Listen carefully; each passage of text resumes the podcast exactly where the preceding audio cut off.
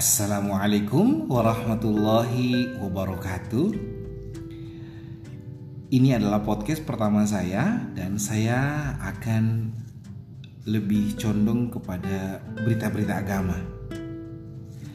Alhamdulillahirrabbilalamin Wassalatu wassalamu ala ashrafil anbiya wal mursalin Wa ala alihi wa sahbihi ajma'in Saya memulai podcast saya kali ini uh, Dengan judul Jangan Marah Satu riwayat dari Abu Hurairah radhiyallahu anhu Pernah satu ketika ada seorang lelaki berkata kepada Nabi Sallallahu Alaihi Wasallam, berikan saya nasihat. Kemudian beliau Shallallahu Alaihi Wasallam bersabda, jangan engkau marah. Lelaki itu terus mengulang permintaannya dan beliau tetap menjawab jangan marah, jangan marah dan seterusnya. Berulang-ulang kali lelaki itu bertanya kepada Nabi Shallallahu Alaihi Wasallam dan Nabi Shallallahu Alaihi Wasallam pun tetap menjawab nasihat yang terbaik itu adalah jangan marah. Hadis itu diriwayatkan oleh Al Imam Bukhari. Imam An Nawawi rahimahullah pun mengatakan bahwa makna jangan marah yaitu janganlah kamu tumpah, janganlah tumpahkan atau lampiaskan kemarahan. Itu makna yang disampaikan oleh Imam An-Nawawi. Jangan engkau lampiaskan atau tumpahkan kemarahanmu. Kemudian larangan ini bukanlah tertuju, tertuju kepada rasa marah itu sendiri. Karena pada hakikatnya marah adalah tabiat manusia, benar kan? Yang tidak mungkin bisa dihilangkan dari perasaan manusia. Rasulullah Shallallahu Alaihi Wasallam juga pernah menasihatkan apabila salah seorang dari kalian marah dalam kondisi berdiri, maka hendaklah dia duduk. Kalau marahnya belum juga hilang, maka hendaklah dia berbaring. Dahulu juga ada seorang lelaki yang datang menemui Rasulullah Shallallahu Alaihi Wasallam dan mengatakan, wahai Rasulullah, ajarkan kepada saya sebuah ilmu, katanya. Sebuah ilmu yang bisa mendekatkan saya ke surga dan menjauhkan saya daripada api neraka. Rasulullah Shallallahu Alaihi Wasallam pun tetap menjawab, jangan pernah tumpahkan kemarahanmu, niscaya engkau akan masuk ke dalam surga. Itu dalam hadis riwayat Tabrani. Kemudian ada juga uh, Syekh Syekh Muhammad bin Saleh Al Utsaimin rahimahullahu taala juga mengatakan bukankah maksud beli bukan bukanlah maksud dari Nabi Shallallahu Alaihi Wasallam itu untuk melarang untuk memiliki rasa marah karena memang rasa marah itu seperti yang saya katakan tadi adalah memang merupakan tabiat atau memang sudah sifat dasar yang yang mana manusia itu pasti ada ya kan? Jadi memang rasa amarah itu rasa marah itu tetap ada. Tapi yang dis inti daripada Rasulullah SAW katakan ini adalah jangan pernah menumpahkan melampiaskan rasa amarahmu itu gitu. Akan tetapi maksudnya ialah kuasailah dirimu ketika muncul rasa marah itu yang dimaksud Rasulullah SAW Mungkin supaya kemarahanmu tidak akan menimbulkan dampak yang tidak baik. Biasanya kan ada orang yang marah kemudian melampiaskannya memecahkan piring, membanting pintu, kemudian membentak-bentak, kemudian ya seperti kemasukan setan. Sesungguhnya kemarahan adalah bara api yang dilemparkan oleh syaitan ke dalam lubuk hati Bani Adam. Oleh sebabnya, Anda bisa melihat kalau Anda sedang marah, maka kedua mata kalian pun iya semuanya itu pasti akan memerah dan urat lehernya menonjol kemudian eh, kemudian apalagi ya pokoknya eh, bahkan terkadang rambutnya ikut rontok mungkin dan berjatuhan akibat luapan marah dan berbagai hal lain yang tidak terpuji timbul di belakangnya sehingga terkadang pelakunya merasa menyesal atas perbuatan yang telah dia lakukan ketika dia marah Kemudian bagaimana sih tip-tipsnya untuk mencegah daripada rasa marah ini? Yang pertama adalah membaca ta'awudz yakni a'udzubillahi minasyaitonir rajim. Yang kedua, mengingat besarnya pahala orang yang bisa menahan luapan marahnya. Ketiga, mengambil sikap diam dan tidak berbicara. Keempat, duduk dan berbaring sesuai dengan tips yang disampaikan Rasulullah SAW tadi. Kelima, memikirkan betapa jelek penampilannya apabila dia sedang dalam keadaan marah. Dan memang benar jelek loh. yang keenam, mengingat agungnya balasan bagi orang yang mau memaafkan kesalahan orang yang bodoh.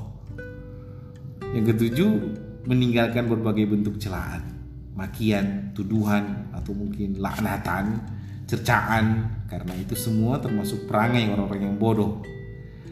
Asyikh Sya'idi rahimahullah mengatakan sebaik-baik orang ialah orang ialah yang keinginannya tunduk mengikuti Rasulullah SAW yang menjadikannya murka dan pembelanya dilakukan demi mempertahankan kebenaran dari roh rongan kebatinan. Sedangkan sejelek-jelek orang ialah yang suka melampiaskan hawa nafsunya kemarahannya. La haula wa la quwata illa billah.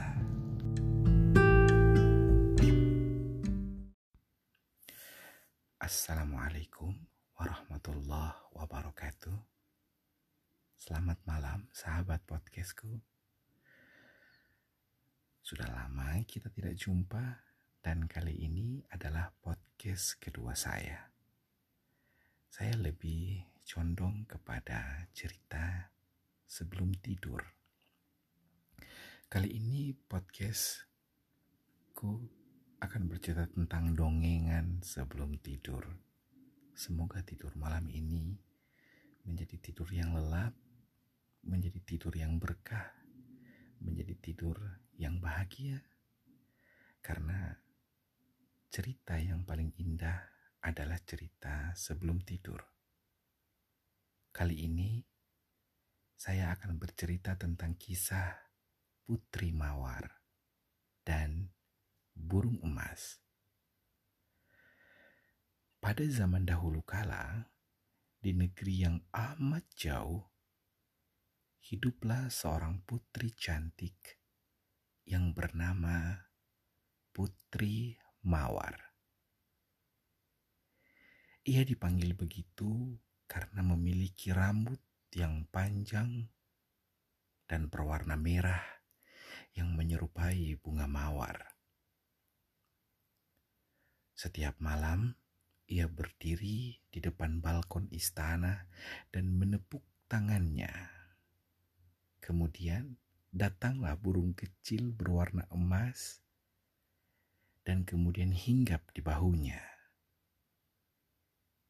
Setiap si burung datang, secara ajaib rambut putri mawar akan mengeluarkan cahaya kemirahan yang amat indah. Burung emas lalu bersenandung nada-nada yang indah. Dan Putri Mawar pun mengikutinya dan bernyanyi bersama sang burung emas. Nyanyian mereka membuat satu kerajaan bisa untuk tertidur lelap, nyenyak, dan bermimpi yang indah. Mereka lakukan hal itu setiap malamnya. Nyanyian sang putri yang memberi mimpi yang indah membuat para penyihir jahat iri hati Ia kemudian memberikan sang putri mantra kutukan. Bim salabim, abra kadabra hilanglah sang mawar. Mantra itu membuat rambut merah sang putri berubah menjadi hitam kelam. Saat malam berikutnya, putri dan burung emas pun kembali bernyanyi. Namun, kali ini satu kerajaan mengalami mimpi yang teramat buruk atau mimpi yang seram. Sang putri amat bersedih kemudian berkata, "Wahai burung emas, katakanlah, apa yang harus kulakukan agar rakyatku kembali bermimpi indah?" Burung emas pun menjawab, "Putri, rendam rambutmu di dalam air mawar."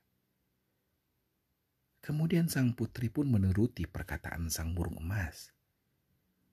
Ajaib, rambutnya kembali berubah menjadi warna merah dan berkilau. Rakyatnya pun bisa kembali bermimpi indah. Hal ini membuat penyihir semakin marah kepadanya. Ia kembali memantrai sang putri, namun kali ini ia sekaligus melenyapkan seluruh kelopak mawar yang ada di penjuru negeri ini agar supaya sang putri tidak bisa merendam rambutnya kembali. Putri Mawar pun kembali kebingungan. Ia tidak bisa lagi merendam di air mawar seperti saran sang burung emas. Ia kemudian berjalan menuju balkon istana dan kemudian dia menangis.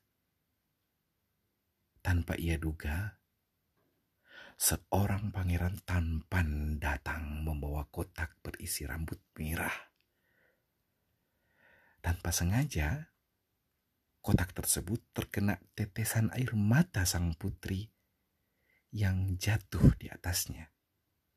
Ajaibnya, air mata sang putri merubah isi kotak tersebut menjadi kelopak mawar yang amat indah. Putri Mawar segera merendam rambutnya dengan air mawar. Dan ia bisa kembali lagi bermimpi, memberikan mimpi indah kepada para rakyatnya bagi seluruh kerajaannya. Putri Mawar kemudian menikah dan hidup bahagia selama-lamanya dengan sang pangeran tadi, sang pria tampan tadi, kemudian si penyihir jahat pun ke kemudian si penyihir jahat pun akibat tidak bisa menahan amarahnya ia musnah dan hancur berkeping-keping. Demikianlah cerita saya kali ini tentang kisah Putri Mawar dan burung emas yang mereka hidup bahagia selama-lamanya hingga akhir hayatnya. Demikian podcast saya kali ini. Selamat tidur, selamat bermimpi indah, dan semoga besok paginya bisa kembali beraktivitas Charger sedang tersambung. Sementara